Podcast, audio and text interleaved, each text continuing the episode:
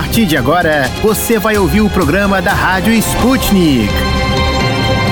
Olá, queridos ouvintes. Meu nome é Ana Liv Esteves e eu tô aqui com o meu colega Pablo Rodrigues para comandar mais um programa da Rádio Sputnik diretamente de Moscou. Saudações ouvintes, é um prazer contar com a audiência de vocês nesta terça-feira, 21 de dezembro, ou seja, daqui a pouquinho já é Natal. Mas quem não vai ganhar presente esse ano é o Congresso Brasileiro, caros ouvintes. De acordo com pesquisa do Datafolha, somente 10% dos entrevistados aprovam a atuação do Congresso Nacional. E esse é o índice mais baixo na legislatura, iniciada em 2019, conforme reportou a Folha de São Paulo. Desde fevereiro, a Câmara está sob o comando de Arthur Lira, do PP de Alagoas, e o Senado de Rodrigo Pacheco, do PSD de Minas Gerais. Nesse ano, o Congresso ficou tomado por atividades como a CPI da Covid-19, as discussões sobre a PEC dos precatórios e o escândalo do orçamento secreto, que enfrenta a decisão de bloqueio pelo STF. A boa notícia é que ano que vem é ano de eleição e os brasileiros vão poder agir em relação a essa falta de apoio aos legisladores.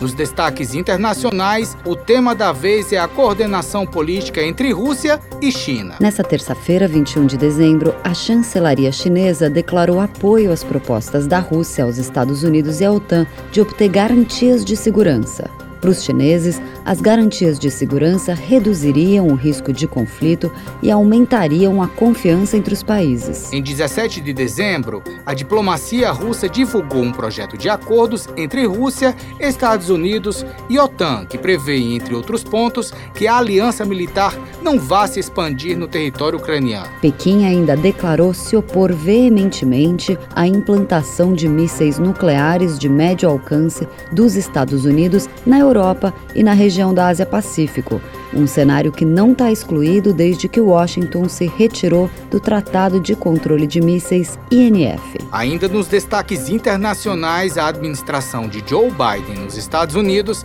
anunciou que vai finalizar a construção de parte do muro na fronteira com o México. O Departamento de Segurança Nacional dos Estados Unidos disse que vai terminar a empreitada começada pelo antecessor de Biden, Donald Trump, para, aspas, resolver os problemas urgentes das condições de vida, segurança, meio ambiente e outras medidas de remediação necessárias para proteger as comunidades fronteiriças. Vamos ver como isso vai repercutir nas relações entre os Estados Unidos e os países da América Central, caros ouvintes. Enquanto isso, o assessor de segurança nacional dos Estados Unidos, Jake Sullivan, vai para uma outra região também famosa pela construção de muros, Cisjordânia e Israel. De acordo com a Casa Branca, Sullivan vai se reunir com o primeiro-ministro israelense para debater assuntos como o acordo nuclear iraniano e a segurança de Israel. Sullivan ainda vai ter um encontro com o presidente da Autoridade Nacional da Palestina, Mahmoud Abbas, em Ramallah, para discutir os esforços em curso a fim de promover a paz e a segurança para palestinos e israelenses, conforme informou o comunicado. A diplomacia está a todo vapor nessa semana de Natal, caros ouvintes. Mas vamos lá checar o que mais nós preparamos para o nosso programa de hoje. E no programa de hoje. No Destrinchando a Charada Brasil, vamos falar sobre a crise hídrica brasileira que abalou o setor elétrico e a expectativa de chuvas para o verão. No Esqueceram de Mim em Portugal, vamos saber como os portugueses vão comemorar o Natal e a chegada oficial do inverno. O Bombando no YouTube vai relatar o que a Rússia está achando da corda que a OTAN está dando para a vontade ucraniana de entrar na aliança. No Destrinchando a Charada Internacional, o assunto hoje é o novo presidente eleito no Chile, Gabriel Boric. O Hora do Problema vai contar a saga do carioca Eduardo Melido pelo trânsito caótico de Moscou. Destrinchando a Charada. De dentro e fora do Brasil. Política, economia, sociedade e tudo que engloba o maior país da América Latina. As charadas mais complicadas do Brasil são destrinchadas aqui.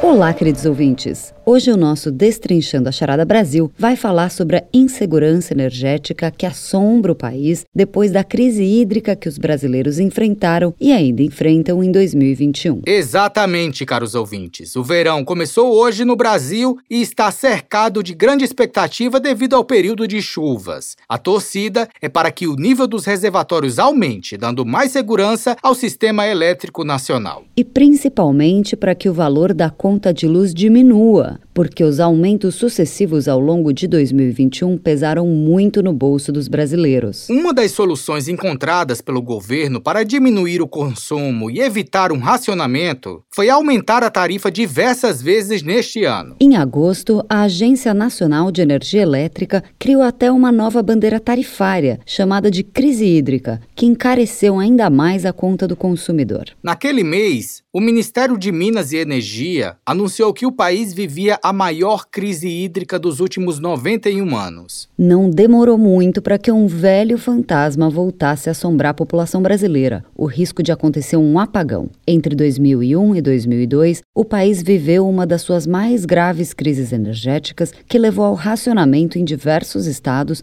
por um período de cerca de 10 meses. Apesar dos baixos níveis dos reservatórios em 2021, o ministro ministro de Minas e Energia, o Bento Albuquerque, descartou o risco de apagão em agosto. As chuvas do quarto trimestre aliviaram um pouco esse cenário, mas não foram suficientes para afastar o temor de uma nova crise energética tampouco para baixar o volume das contas de luz. Lembrando que chegamos no verão, um período em que as famílias acabam gastando mais energia com o uso de ventiladores e ar-condicionados. Nesse contexto, a previsão do clima-tempo para o verão brasileiro trouxe boas notícias para algumas localidades e más notícias para outras. Com a influência do Laninha, a estação traz uma expectativa de chuvas acima da média nas regiões Norte e Nordeste, além do norte das regiões Sudeste e Centro-Oeste entre dezembro deste ano e fevereiro de 2022. Já na região Sul e nos estados de São Paulo e Mato Grosso, a expectativa é que chova menos que o normal, com chance de algumas estiagens regionalizadas. Para falar um pouco sobre essa previsão, as expectativas para a crise hídrica e o seu reflexo na geração de energia elétrica no Brasil Brasil, convidamos Altino Ventura, engenheiro eletricista e membro da Academia Nacional de Engenharia. Altino, muito obrigada pela sua participação aqui na Rádio Sputnik. Altino, o que levou a essa crise hídrica que abalou o sistema elétrico em 2021? Numa situação dessa, nós temos, digamos, um desequilíbrio entre a oferta de energia e a demanda do sistema brasileiro, porque eu tenho menos combustível nas hidrelétricas, eu tenho menos água. E esta crise hídrica, ela se implantou em 2021, porque como nós tivemos baixas vazões nos anos anteriores, o armazenamento das hidrelétricas, o estoque de água nos nossos grandes reservatórios, em particular do Sudeste, iniciou o período seco desse ano, que é a partir de maio, ou seja, o período em que as vazões do rio são períodos de baixas vazões, iniciou-se com um armazenamento no Sudeste em maio relativamente baixo, para poder, digamos, contribuir para diminuir o período de seca que ia de maio a novembro. Então, nós tivemos esta crise hídrica que deu esse desequilíbrio. Volto a dizer, o armazenamento do Sudeste estava baixo, posso até dizer o valor de 32%, que era baixo no início do período seco. Baixo porque nos anos anteriores nós tivemos reduções de vazões, tá certo? e tivemos em 2021 um período chuvoso desfavorável e um período seco também desfavorável, apesar de no final do período seco teve uma pequena melhora com alguma chuva em outubro, novembro, tá certo? Então, veja bem, que ficou bem caracterizado esse desequilíbrio entre a oferta e a demanda. Nós tivemos um período de chuvas nos últimos meses, mas na ponta do sistema, o cidadão brasileiro continua pagando a energia elétrica na bandeira vermelha. Qual a situação atual do sistema elétrico brasileiro, Altino? A situação agora está uma situação razoavelmente favorável para o período, para a época do ano. Porque nesse, nesse final do período seco, nós tivemos uma temperatura baixa no Brasil e no Sudeste em particular. Quando a temperatura cai, a demanda de energia cai também porque há uma redução do uso do ar-condicionado. Então, esse foi um fator importante. Segundo fator é o seguinte, que nós tivemos, excepcionalmente, no final do período seco, que termina mais ou menos em novembro, nós tivemos chuvas pelo Brasil. E chuvas em alguns locais que existia reservatório. Então, esta chuva que caiu no, no reservatório, junto com a redução da demanda devido ao clima frio, e também uma ação de governo nesse sentido muito positiva de negociar com a sociedade, junto às indústrias, etc., para voluntariamente haver uma redução de vazões. E houve algumas atitudes do governo de aumentar a oferta, em que, nesse caso, o aumento da oferta, existiu alguns aspectos que são discutíveis se a maneira que foi conduzida foi a melhor maneira para a sociedade, pelas repercussões que nós tivemos na tarifa de energia elétrica e no processo da taxa de inflação da sociedade brasileira. Por que, é que a situação agora está um pouco melhor? Porque nós tivemos essas chuvas recentes, continuamos tendo essas chuvas. As usinas da Amazônia, que tem uma formação hidrológica diferente do restante do sistema brasileiro, que é a usina de Belo Monte, a usina de Giral Santo Antônio, no Rio Madeira, Belo Monte, no Rio Xingu, elas já estão tendo vazões que estão mostrando que vai ter uma geração bem razoável e, portanto, suplantando, colocar essa energia à disposição do sistema em 2022.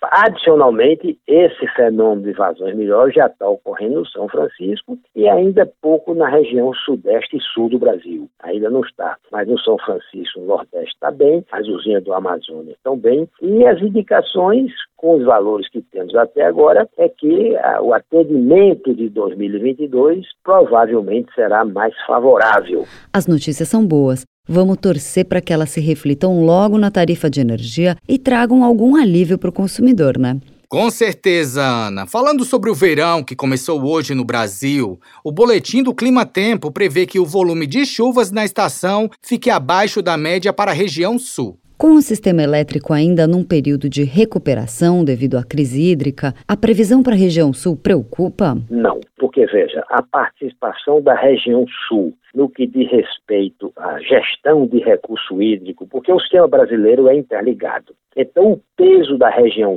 sul digamos, no sistema sul-sudeste é um peso muito pequeno. O sudeste tem um volume muito maior. Quando eu chamo volume maior, é de geração, é de demanda e principalmente de armazenamento. Então, uma crise no sul tem um efeito no sistema interligado brasileiro muito reduzida, porque o restante do sistema consegue atender o sul como está fazendo agora. Em alguns momentos, toda a energia gerada na usina de Itaipu é transferida toda para a região sul brasileira. Ou seja, então o Sul recebe socorro. Adicionalmente, como uma das medidas adotadas nessa crise hídrica, a importação de energia do Uruguai ela se destina à região Sul. Então, vamos supor, com uma redução de vazões no sul do Brasil, essa redução de vazões, ela não é uma, um, algo que, veja bem, preocupe é claro que não é desejável que ocorra, mas se isso ocorresse no Sudeste, aí a situação é grave, que foi o que aconteceu em 2021 e 2021.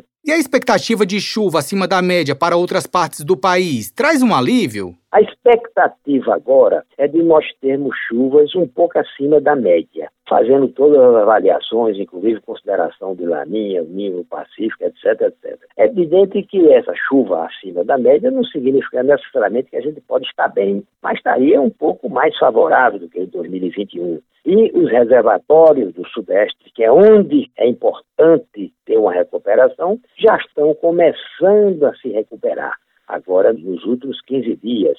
O último dia, agora no domingo, o Sudeste aumentou 0,4% o armazenamento. É verdade que foi num domingo, o mercado é mais baixo, etc, etc. Mas já estamos, já se está retirando a geração térmica, particularmente aquela geração térmica mais cara, então, veja bem, já está havendo uma redução da geração térmica. Isso é benéfico, porque diminui o consumo de combustíveis, aqueles mais caros, tira-se as térmicas mais caras, e o quadro do sistema está, vamos supor, apresentando condições mais favoráveis. Muitos especialistas chamam atenção para os efeitos das mudanças climáticas no período de chuvas e nas temperaturas. No setor elétrico, as mudanças climáticas trazem um nível maior de incerteza? Com essas mudanças climáticas que nós estamos tendo, e a questão de distribuição de água, de chuva pelas bacias num país continental como o Brasil, né, isso vem cercado de muita incerteza. Então, esse quadro que nós estamos agora, de situações favoráveis, de chuva, certo? Esse quadro pode mudar. Estou dizendo pode mudar. Pode mudar até para chover mais, mas pode mudar para chover menos.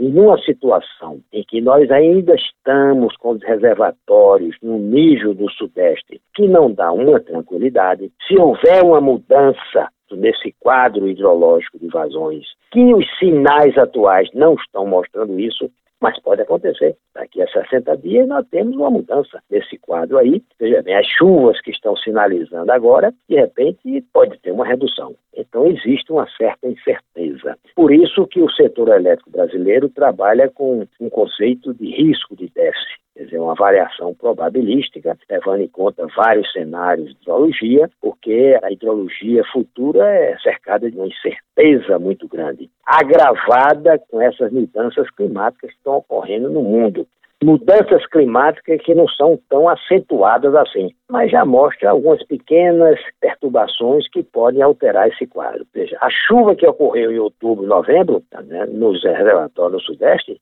são atípicas. É um exemplo típico de algo que aconteceu que não é comum acontecer de repente aconteceu e melhorou o atendimento do sistema no final do ano. Ou seja, aquela previsão de nós chegarmos com 10% de armazenamento no sistema, que é um, uma quantidade de energia que é, existe um certo risco de chegar nesse nível, não foi atingido, foi atingido valores maiores. Com a experiência de quem presidiu a Eletrobras entre 2002 e 2003 e acompanhou a grave crise de 2001, como o senhor avalia as ações do governo na crise hídrica deste ano? Em maio de 2021, nós tínhamos um desequilíbrio entre a oferta e a demanda. Esse desequilíbrio significa que, vamos supor, a oferta disponível de maio a dezembro, ou novembro, que é quando começa o novo período chuvoso, não era suficiente para atender a demanda de maio a dezembro. Então, numa situação dessa, tem que se tomar alguma atitude para equilibrar essa oferta e demanda. E esse equilíbrio da oferta e da demanda pode ser feito de duas maneiras. Uma maneira foi a que foi adotado nesta crise hídrica. Busca-se aumentar a oferta com preços elevados. Esta opção de aumentar a oferta com, é, com energias que estão disponíveis, caras, tem uma implicação. Aumenta o custo da energia. Então, no caso do ano de 2021, a tarifa de energia elétrica teve que, teve ter um aumento de preço, inclusive com a bandeira da crise hídrica, para pagar essa energia cara da Argentina, pagar a energia normal, que está no sistema, essa energia cara, e mais a geração das térmicas, inclusive as térmicas mais caras, que entraram para aumentar a oferta. Bom, então veja, quando isso é feito e aumenta a tarifa de energia elétrica, pelo lado da demanda, a sociedade que está atravessando uma fase de certa dificuldade, com a pandemia e outras razões, seja a sociedade reduz a demanda. Quando a tarifa de energia elétrica sobe, apesar de ser inelástico, ou seja, o uso da energia que não tem alternativas, ela, de um modo geral, não, quando sobe o preço, não reduz muita demanda, mas reduz. No caso brasileiro, deve ter reduzido um pouco mais, porque nós estamos atravessando uma fase de certas dificuldades com a pandemia e com a economia, o desemprego e assim por diante. Aí, veja, este processo de redução da demanda via preço, não vamos chamar isso de racionamento, mas não deixa de ser. Ou seja, é um racionamento via preço. Esse racionamento, ele tem uma consequência, faz com que alavanque a inflação. Existiria outra maneira de fazer, que é muito difícil de fazer, seria sem ampliar a oferta com esses custos elevados e entrar num processo de negociação com a sociedade para haver uma adesão tá para que os consumidores reduzam as suas demandas. E isso o governo fez em parte, junto à indústria, junto ao consumidor residencial, incentivando ele a reduzir sua demanda e receber algum incentivo financeiro no início do próximo ano de 2022. Esse processo de negociação exige por parte da sociedade um grau de civilidade que talvez os brasileiros não tenham. Vamos torcer para que esse período de chuvas de verão alivie o sistema e traga boas notícias para o consumidor. Com certeza, Ana. Esse foi o engenheiro Altino Ventura, membro da Academia Nacional de Engenharia. O nosso quadro Destrinchando a Charada Brasil de hoje fica por aqui, caros ouvintes. Até amanhã.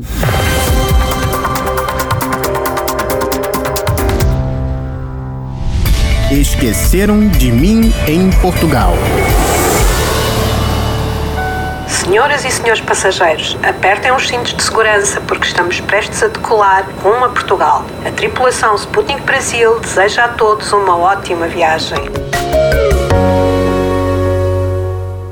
Gente, chegou o inverno oficialmente em todo o hemisfério norte. E o Natal? Como serão os festejos na terrinha, Luísa? Conta pra gente. Olá, Pablo. Olá, Ana. Olá, ouvintes da Rádio Sputnik. Bom, amigos, é verdade que o inverno aqui no hemisfério norte começa oficialmente hoje, o chamado solstício de inverno, o dia mais curto do ano. A partir de agora, os dias vão começando a aumentar. É uma data geralmente celebrada e comentada nas redes sociais, mas este ano, em Portugal, a estreia oficial do inverno perdeu espaço para preocupação com a Covid-19 em meio aos novos casos de contaminação pela cepa Omicron. As medidas de combate podem ainda hoje, terça-feira, dia 21, serem antecipadas para o dia a seguir ao Natal, 26 de dezembro, ao invés de janeiro, como anteriormente previsto. Por conta do temor,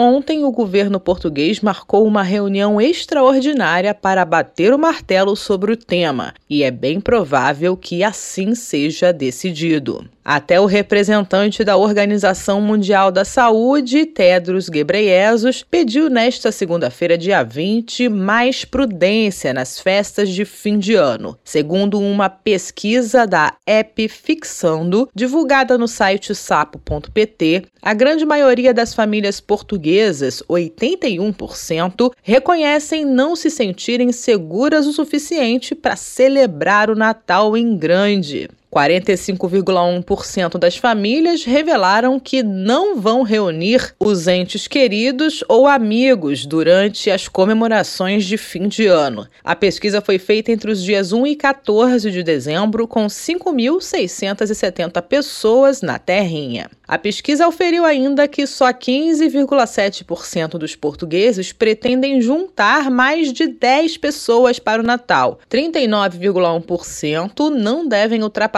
uma reunião com até cinco familiares. E 8,9% dos portugueses participantes responderam que acham mais seguro passar o Natal sozinhos. Do total de entrevistados, cerca de 31% deve celebrar a data natalina apenas com seu agregado familiar, mas somente 10,5% vão optar por não realizar nenhum tipo de celebração. Segundo o boletim da Direção-Geral de Saúde de ontem, segunda-feira, dia 20, foram mais 18 mortos pela doença, 2.752 pessoas com novas infecções e 2.023 pessoas totalmente recuperadas. Foi a pior segunda-feira em novos casos desde fevereiro em Portugal. Pois é, e a chegada do inverno, que costuma ser feliz e altamente celebrada, nem veio tão contente assim este ano. Neste primeiro dia de inverno em Portugal é esperada chuva e uma leve subida das temperaturas, segundo o Instituto Português do Mar e da Atmosfera. O vento deve ficar de fraco a moderado por vezes forte no litoral, com rajadas de até 60 km por hora até o meio da tarde. Nas terras altas, os ventos podem atingir 70 km por hora. As temperaturas máximas no país ficam entre os 15 e os 20 graus, até agradável, e as mínimas devem rondar os 10 e 15 graus, sendo as mais baixas no interior norte e centro do país. Eu andei vendo a situação aí em Moscou, amigos, e sei que para vocês o inverno já deu as caras há bastante tempo, né? Com muita neve e mínimas em torno de menos 20, com máximas negativas também. Como é que tá sendo enfrentar essa friaca, hein, Anne Pablo? Por hoje eu fico por aqui, estimados ouvintes. Até amanhã. Aqui na Rússia a gente já está sentindo frio faz tempo, Luísa. Neste momento, por exemplo, em que estamos gravando o programa, temos nada mais, nada menos do que 16 graus negativos, caros ouvintes. É, amigos de Portugal, vocês não têm do que reclamar, viu? 15 graus positivos, isso é um inverno de luxo. Hoje de noite em Moscou as temperaturas vão cair a menos 20 graus. Eu achei bem interessante que 80% dos portugueses estão inseguros com os festejos natalinos. Pessoal, realmente não podemos dar bobeira. Eu vou passar só mesmo com os meus amigos mais próximos e, claro, meu amado cachorro. Mas nada de aglomeração. Eu tô na mesma vibe, Ana. Família que mora junto, na mesma casa e, claro, meu melhor amigo cão. A gente segue em ritmo de proteção. Luísa, muito obrigada pelas informações e até amanhã. Bombando no YouTube curtidas e mais curtidas da Rússia ao Brasil. Confira com a Rádio Sputnik os vídeos que receberam mais likes e visualizações e estão no topo do YouTube. E fique por dentro do que está sendo filmado por amadores ou profissionais pelo mundo afora. O nosso colega da redação da Sputnik Brasil, Tito da Silva, preparou o melhor top 5 do YouTube, caros ouvintes. Olá, Tito. Conta pra gente aí quais são as novidades de hoje. Olá, queridos amigos da Rádio Sputnik. Eu sou Tito da Silva e estes são os vídeos que estão bombando no YouTube nesta terça-feira, 21 de dezembro. No topo da nossa lista, a Rússia disse que será obrigada a dar uma resposta militar à OTAN caso a aliança continue pressionando o país em áreas sensíveis. A declaração foi feita pelo chefe da delegação russa nas negociações sobre segurança em Viena, Konstantin Gavrilov. Ao mesmo tempo, o vice-chanceler russo Sergei Rybkov afirmou que Washington tentará atrasar ou adicionar condições para um pacote de propostas feitas pela Rússia para reduzir as tensões na Europa e criar um ambiente mais seguro. Entre as propostas, a Rússia destacou a não expansão da OTAN em direção ao leste incluindo a não adesão da Ucrânia à aliança. Para ver o vídeo, é só digitar Rússia. Seremos obrigados a dar uma resposta militar se a OTAN continuar pressionando. E no segundo vídeo de hoje, a empresa de gás russa Gazprom fechou o gasoduto Yamal Europa, que fornece gás para a Alemanha. Desta forma, o envio do produto pelo gasoduto se tornou totalmente suspenso. O volume de fornecimento de gás pelo referido gasoduto não é contínuo e pode variar de acordo com a demanda, tanto dentro como fora da Rússia. No entanto, líderes ocidentais têm acusado a Rússia de utilizar o gás como um instrumento político para seus objetivos, em particular no atual momento em que a Rússia aguarda autorização por parte de autoridades competentes europeias para o funcionamento do gasoduto Nord Stream 2, que levará o gás russo para a Alemanha. Se você quer saber mais detalhes do fechamento do gasoduto, é só digitar Rússia fecha gasoduto que leva gás para a Alemanha em pleno pico da demanda. E no terceiro vídeo de hoje, a China tem cada vez mais aumentado sua influência no setor de transporte de cargas via marítima no mundo, comprando ações de empresas que gerenciam portos estratégicos em dezenas de países, empresas chinesas ligadas ao governo do gigante asiático têm tido maior poder de decisão em tais gerenciamentos portuários. Segundo a revista The Diplomat, o caso seria preocupante para os rivais geopolíticos da China, em especial os Estados Unidos. Se você está interessado no assunto, assista ao vídeo digitando como a China está dominando os oceanos. E no quarto vídeo de hoje, o canal Fatos Desconhecidos explicou a origem de uma das organizações criminosas mais antigas e temidas no mundo, a Yakuza, chamada também de a máfia japonesa. O canal explicou que as origens da organização criminosa datam ainda do início do século XVII, quando, após um período de guerra civil, muitos japoneses não sabiam como ganhar dinheiro, já que viviam da guerra. Foi aí que parte destes, sendo que alguns samurais, resolveu praticar atividades ilegais, como a venda de produtos roubados ou falsificados.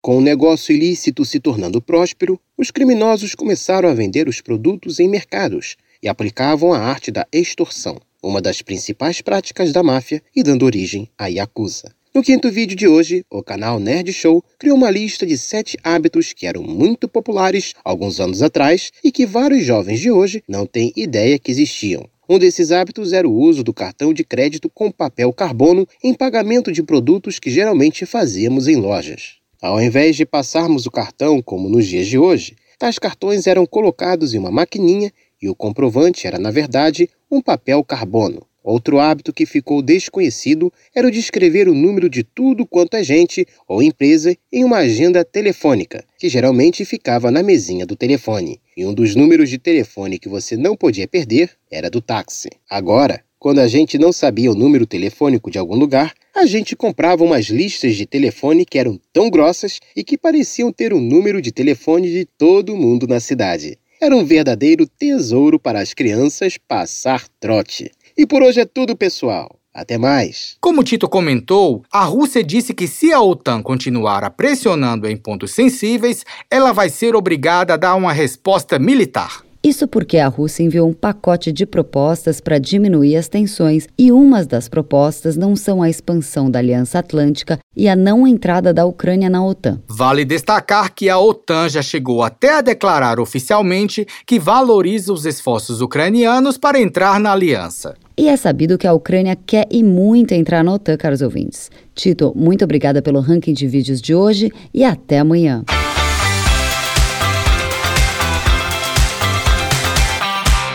Destrinchando a Charada. Encruzilhada Internacional. Relações políticas, socioeconômicas e muito mais entre as nações deste mundão. Da Rússia aos Estados Unidos. Encontre com a gente as respostas às perguntas do momento.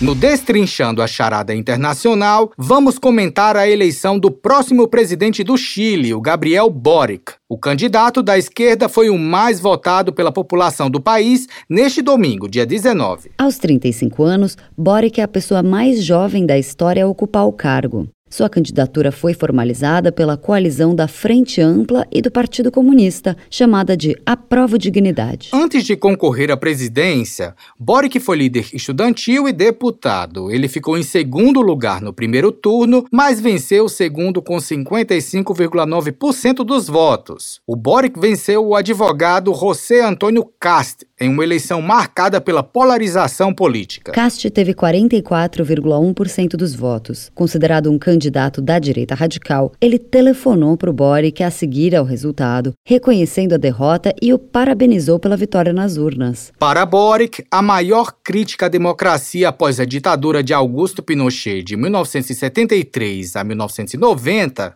é ter continuado com o modelo econômico liberal que deixou uma classe média e baixa endividada no Chile. A posse do Boric vai ser apenas em março de 2022, mas já se especula bastante sobre o futuro do seu governo. Após anunciada a vitória, o ex-líder estudantil disse que, abro aspas, a esperança venceu o medo e sinalizou o rumo que pretende dar ao seu governo com diálogo com os diferentes setores. O Boric disse que vai buscar, aspas, crescimento com distribuição justa, além de maior espaço para as mulheres e para o feminismo, maior cuidado com o meio ambiente e combate à impunidade e à corrupção. Para comentarmos as eleições chilenas, convidamos o Paulo Silvino Ribeiro, que é professor na Fundação Escola de Sociologia e Política de São Paulo. Agradecemos a sua presença, professor. Paulo, não é só o Chile que mostra tendências de polarização política. O mesmo vem sendo observado em outros países latino-americanos, como a gente viu nas eleições do Peru, que elegeu Pedro Castilho, e em Honduras, com a vitória da Xiomara Castro, ambos de esquerda. Tendo esse contexto em conta, professor, você acredita que a corrente ultradireitista está perdendo força ou é cedo para dizer isso? De fato, na América Latina, a gente tem assistido nos últimos tempos, eu diria, um fortalecimento das propostas, das candidaturas, né, ou das visões, chamemos assim, mais à esquerda, em detrimento das visões mais à direita. O que é importante ressaltar? Que isso também é bom para a democracia, e aí, independentemente de qual lado as pessoas têm,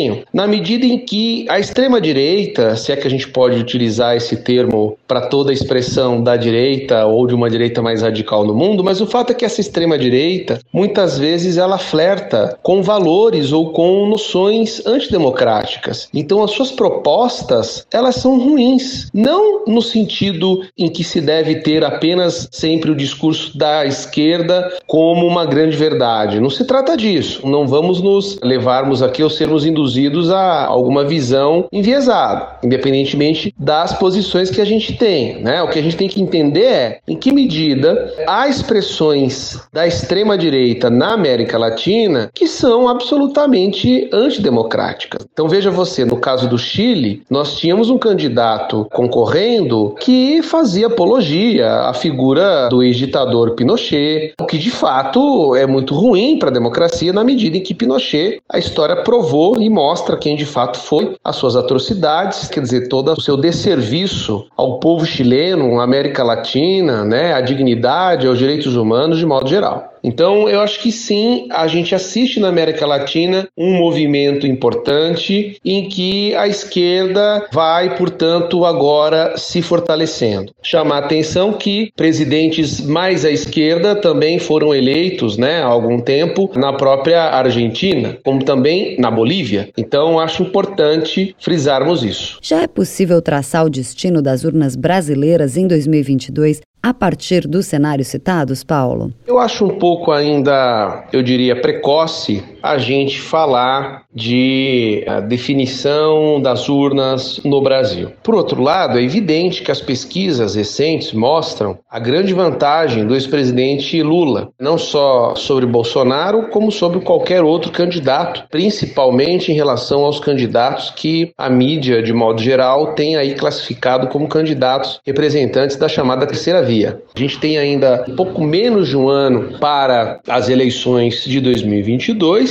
mas o que, que me parece. O que é razoável para mim é pensar que a população brasileira, assim como em outros lugares da América Latina, não querem mais discursos extremistas, não querem mais discursos que sejam como estes que embalaram aí a campanha de Bolsonaro. Então eu penso que as eleições municipais de 2020 já foram eleições importantes na medida em que mandaram um importante recado quando quando as urnas mostraram aí a preferência da opinião pública, do eleitorado, a candidatos de centro. Então, ou seja, penso que se por um lado é cedo dizer que realmente a população quer candidatos mais à esquerda, também acredito que é sim possível dizer que há um, uma certa prudência em relação a candidaturas ditas de extrema direita. O descontentamento com a crise econômica e social no continente latino-americano pode ser uma explicação para o efeito de retorno da esquerda nas eleições citadas? A pandemia também pode ser relacionada nesse contexto? Eu acho que é bastante evidente. Acho que o primeiro elemento que tem que ser considerado para a gente avaliar qualquer governo, né, seja a direita ou a esquerda, é o efeito pandemia. Quer dizer, a pandemia teve o seu efeito aí absolutamente devastador. Primeiro, do ponto de vista mais óbvio, que é em relação à saúde pública, não só no Brasil, mas no mundo todo. O segundo, que tem a ver com o primeiro, que é do ponto de vista econômico. Quando a gente está falando do mundo todo, também tem que tomar cuidado, porque senão parece que todo mundo enfrenta o problema da mesma forma. E não é verdade. Quer dizer, a história da construção do capitalismo na América Latina é muito clara, né? Quer dizer, nós somos resultado de um capitalismo periférico, portanto, muito mais árduo, muito mais duro, muito mais tacanho, né? Para a classe trabalhadora em relação ao capitalismo no centro. Embora esses termos centro e periferia não sejam mais tão utilizados na discussão da geopolítica, mas é evidente que há um lugar de maior concentração de renda, riqueza, tecnologia expertise, etc., na Europa, nos Estados Unidos, em detrimento ao restante da América Latina, que sempre, enfim, esteve aí nesse lugar coadjuvante. Portanto, os nossos problemas eles são estruturais, são históricos, eles são, portanto, muito mais profundos e permanentes. Então, isso tudo somado, é evidente que faz com que os governos latino-americanos tenham enfrentado problemas maiores. Então, quando esses governos, de novo, sejam eles mais à direita ou mais à esquerda, e neste caso, né, governos mais mais à direita, que estão perdendo as eleições para candidatos à esquerda, é porque estão na desgraça, né? Na medida em que não atendem, portanto, a essa essas necessidades que são colocadas. E vejam, necessidades econômicas, sociais, necessidades voltadas à saúde, à qualidade de vida, à expectativa de vida. Então, sim, eu concordo com essa ideia de que o sentimento de frustração com esses governos mais à direita, e o governo Bolsonaro talvez é o exemplo mais explícito para todo o mundo, né? Essa frustração realmente pode ajudar a explicar por que a esquerda vem ganhando cada vez mais espaço. A vitória do Boric no Chile foi celebrada nas redes sociais por nomes importantes da política internacional, como os candidatos à presidência da França, Ana Hidalgo e Felipe Poutot. O senhor acha que a Europa pode ser influenciada pelos eventos políticos na América Latina? Queria chamar atenção para alguns pontos para ajudar a pensar em que medida a América Latina ou os acontecimentos políticos da América Latina podem influenciar a Europa.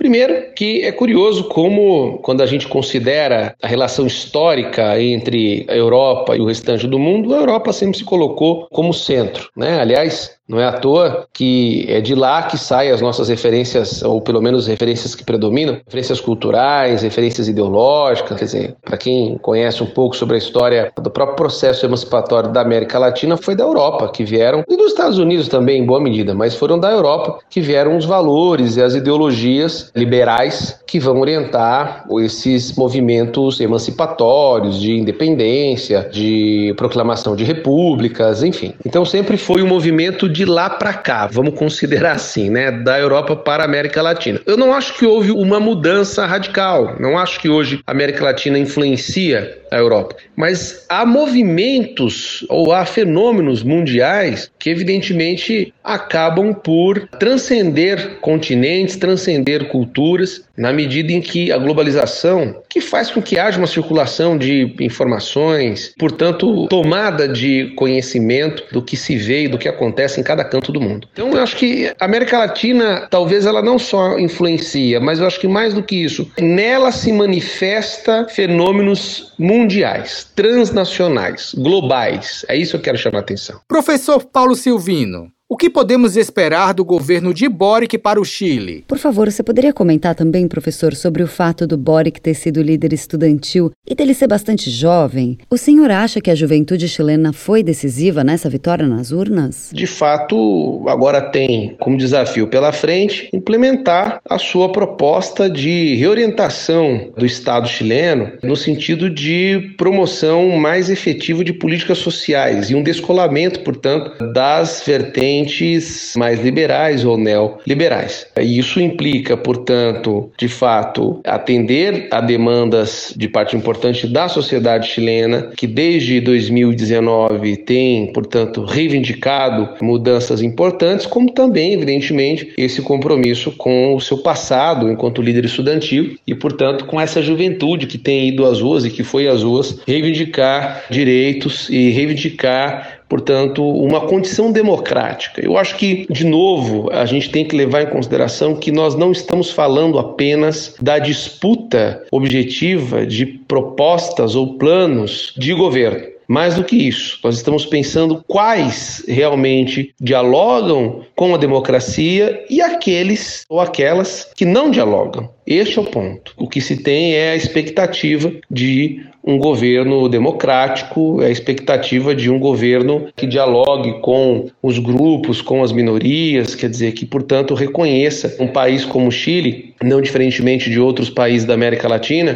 tem as suas minorias, tem, portanto, as suas etnias, as suas questões étnicas importantes, acima de tudo, tem o interesse da classe trabalhadora, das classes médias e que devem ser considerados. Não houve demora para o candidato mais à direita no Chile reconhecer a vitória de Boric. José Antônio Cast telefonou para Gabriel Boric, reconhecendo a derrota e parabenizando ele. Na sua visão, o quanto essa atitude é importante para o bom andamento da democracia? A gente poderia fazer comparações com o Trump nos Estados Unidos ou mesmo com as falas do Bolsonaro no Brasil, que até pouco tempo atrás afirmava sem provas que havia vencido ainda no primeiro turno as eleições em 2018? Na verdade, você está chamando a atenção para a seguinte ideia, quer dizer, eu acho que é dizermos que o candidato chileno de fato acerta e acerta muito ao reconhecer imediatamente a sua derrota, né? E é um reconhecimento público que, na minha visão, é uma contribuição importante à democracia, à estabilidade, ao diálogo. Infelizmente, as pessoas acreditam erroneamente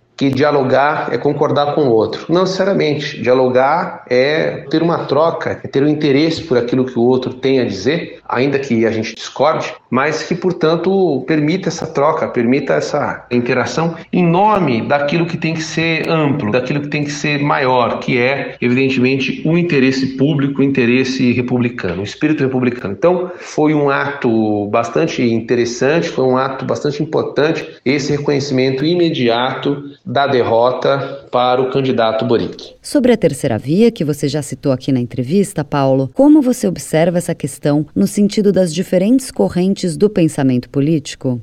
Já que muitos brasileiros dizem que não querem votar nem na esquerda nem na direita, é realmente possível ter alguém no meio termo ou na nova visão intermediária politicamente? Existe uma expectativa bastante equivocada de podermos criar uma espécie de régua em que os candidatos pudessem ser perfeitamente categorizados, classificados, rotulados, a tal ponto de que, portanto, pudéssemos acreditar que um candidato à esquerda sempre tivesse pautas coerentes com aquilo que se pode entender como ser de esquerda, assim como um candidato à direita, e que o do meio, ou seja, fosse o ponderado, o do meio fosse o mais equilibrado. Esse equilíbrio, ele é uma ideia falsa. Esse equilíbrio, ele é um godo. Ninguém é uma coisa só. Então, mas é claro que numa ambiência política de muita radicalização, os candidatos que se colocam como terceira via, expressão criada pela mídia, dão a falsa impressão de serem relativamente mais equilibrados. Então, veja que os candidatos que se colocam, ainda que sejam rotulados como terceira via, divergem, porque não são igualmente equilibrados. Né? E quando eu estou dizendo equilibrado, eu digo sendo alguém que é tanto de esquerda quanto de direita, até porque isso não existe. Mas entre esses candidatos que se colocam como de terceira via, você tem Ciro Gomes, que é um homem mais à esquerda, você tem Dória, que é um homem mais à direita, direita, você tem Sérgio Moro, que é um homem mais à direita, e uma direita que dialogou com Bolsonaro. Então você tem aí, quer dizer, personagens que são diferentes e que talvez o que tem em comum é o fato de terem Lula e Bolsonaro como opositores. Essa expressão, ao fim e ao cabo, ela é um pouco equivocada, ela é um pouco falsa na medida em que os candidatos sempre tendem mais para um lado do que para o outro e que esse equilíbrio, portanto, ele é impossível. Que a população tem que estar atenta na hora de escolher a sua candidata ou seu candidato. É preciso escolher pessoas que têm uma clara e objetiva defesa e, portanto, compromisso com a democracia. Lamentavelmente, no Brasil e em tantos outros lugares do mundo, candidatos foram eleitos flertando com a ditadura, flertando com o autoritarismo, com o fascismo, com o nazismo, com tudo aquilo que a história já provou para todo mundo que não é o melhor, não só o melhor caminho, como não é a melhor escolha. Paulo, muito obrigado pelas suas respostas. Foram muito esclarecedoras. A gente teve hoje a participação de Paulo Silvino Ribeiro, professor na Fundação Escola de Sociologia e Política de São Paulo, falando sobre as eleições presidenciais no Chile. Vamos ficar de olho nesse governo do país parceiro do Brasil, que começa em março. E o nosso quadro Destrinchando a Charada Internacional fica por aqui, caros ouvintes. Até mais. Mistura do Brasil com Moscou. A mistura agora é com a Rússia e a coreografia já está pronta. Com os gingados russos e brasileiros, as relações estão em sintonia entre estes dois gigantes. Hora do problema. Sabe aquela história que é melhor nem contar de tão complicada que é? Perrengue na Rússia, sufoco no Brasil e muito mais. Sente aí que lá vem história. Quantos carros são precisos para montar um engarrafamento? Quantas pessoas são necessárias para criar uma confusão no trânsito? Bem, em Moscou, uma van e um russo já são mais que suficientes para causar um fuzuê em uma movimentada estrada. Não é à toa que a Rússia é dona de vídeos épicos de acidentes de trânsito, caros ouvintes. E a internet está cheia de imagens de confusões nos quatro cantos desse mundão russo. Mas não é preciso nem sair de Moscou para ver a cobra fumar nas estradas russas. E nem precisa ser russo para cair na confusão. Agora, para começá-la, talvez só sendo russo mesmo. Vamos bater um papo com o jornalista e produtor Eduardo Melido, que veio em 2013 para a Rússia e acabou no meio não de um, mas de três acidentes de trânsito em Moscou. Olá, Melido. Oi, pessoal da Rádio Sputnik. Sou Eduardo Melido, jornalista, carioca, morando no Rio de Janeiro mas por conta da profissão já passei em vários lugares do mundo. E em 2013 eu estive na Rússia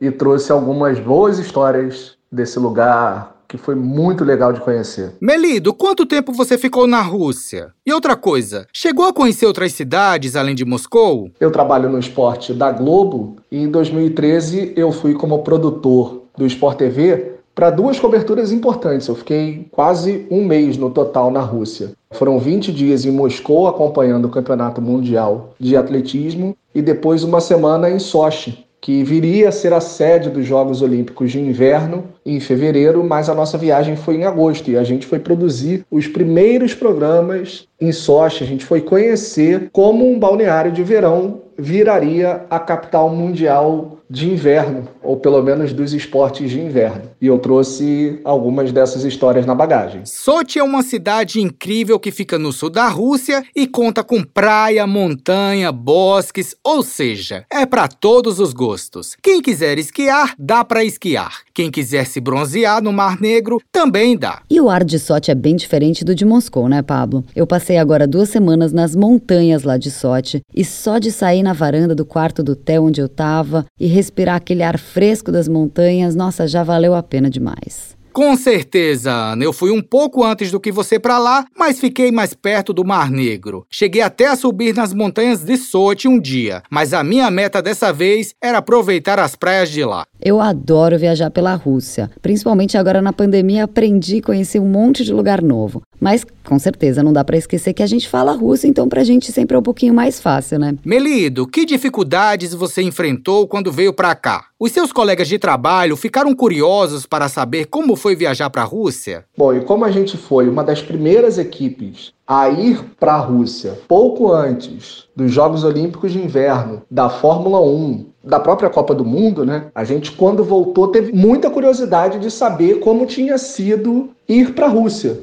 E foi bem difícil e divertido. Acho que a primeira barreira para quem vem de fora é o idioma é totalmente complicado. Eu, na época, já falava francês, espanhol, inglês, além do próprio português, mas não tem nada a ver. Então, você tem que ter o básico, né? Que era o spaciba, que é obrigado, e o dobredin. Tirando isso, eu não falava absolutamente nada de russo. Aliás, continuo sem falar. Melido tem ótima memória, queridos ouvintes, até porque ele veio para cá em 2013 e ainda lembra as expressões obrigado e bom dia em russo. Melido se diz dobry den. A equipe da Globo que veio para cá com você recebeu ajuda de guia ou de um tradutor, Melido? E para isso a gente teve a ajuda do Pablo, que é um brasileiro, era estudante ainda na época e foi o nosso tradutor, o nosso guia em Moscou mas em Sochi, quando a gente foi, não tinha nem brasileiro. Então a gente conseguiu contato de uma moça, Alexandra, que falava inglês, mais ou menos, né?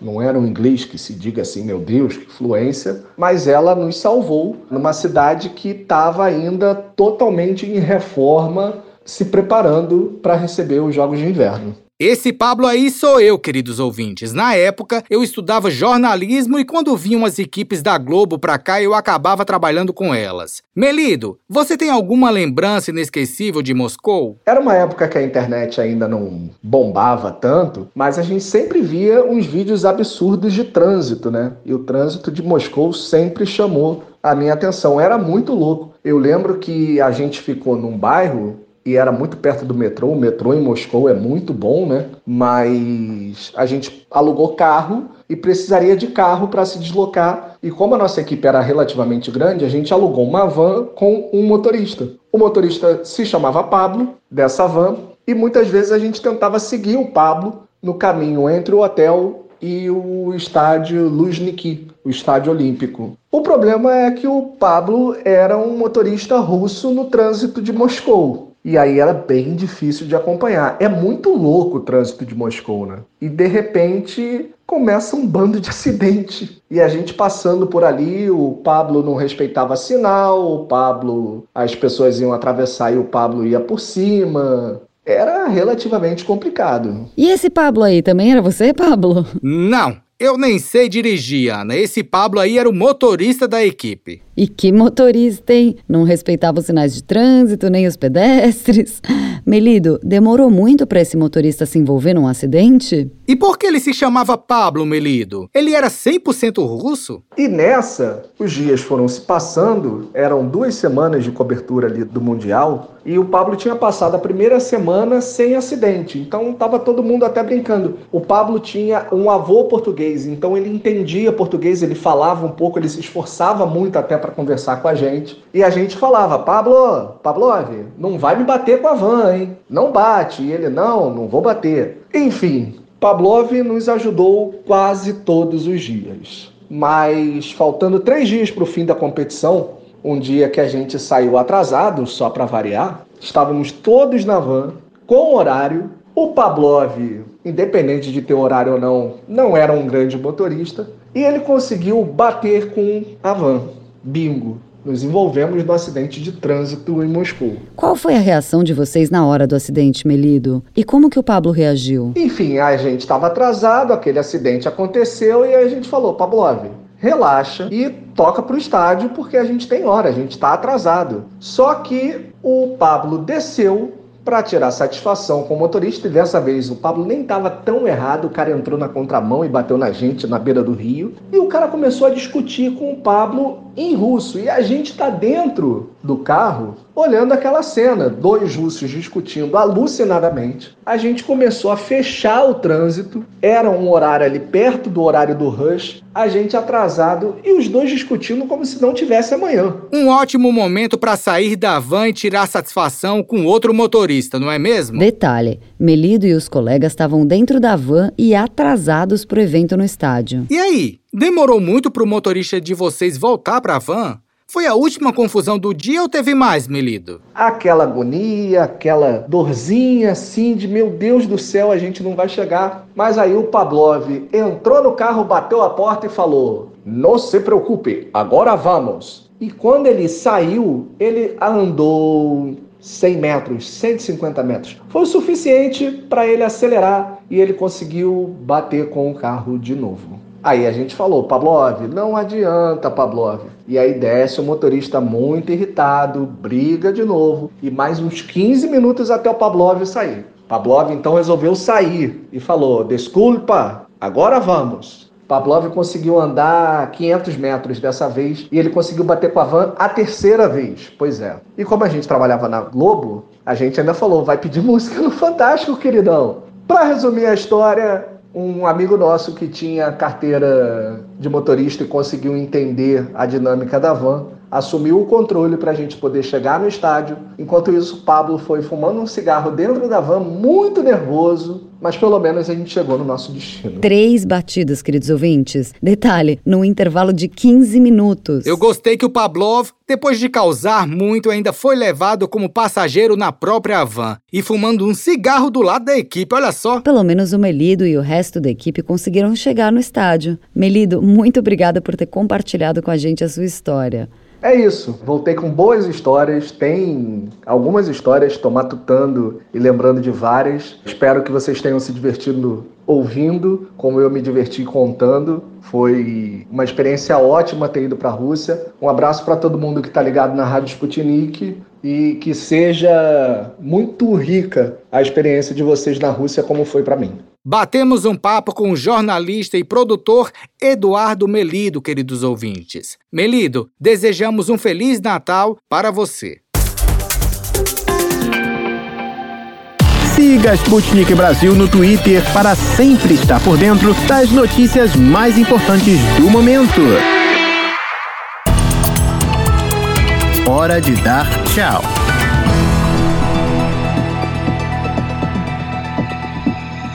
O programa desta terça-feira, 21 de dezembro, está chegando ao fim, caros ouvintes. Muito obrigada pela audiência de cada um de vocês e saibam que amanhã a gente vai estar de volta com muito mais entrevistas, histórias e novidades. E como sempre, ligando o Brasil ao resto do mundo. Quem quiser conferir os nossos programas anteriores, é só entrar na conta da Sputnik Brasil no SoundCloud. Lá tem todos os programas. Se vocês gostam mais de ler, então a sua parada é o nosso site br.sputniknews.com. A equipe da Sputnik Brasil traz as notícias do momento, oferece material multimídia e muito mais. Um abraço forte para todos vocês, ouvintes, e até amanhã. O programa da Rádio Sputnik teve apresentação, produção e edição de texto de Ana Liv Esteves e Pablo Rodrigues, e produção de conteúdos e edição de texto de Everton Maia, Luísa Ramos e Tito da Silva.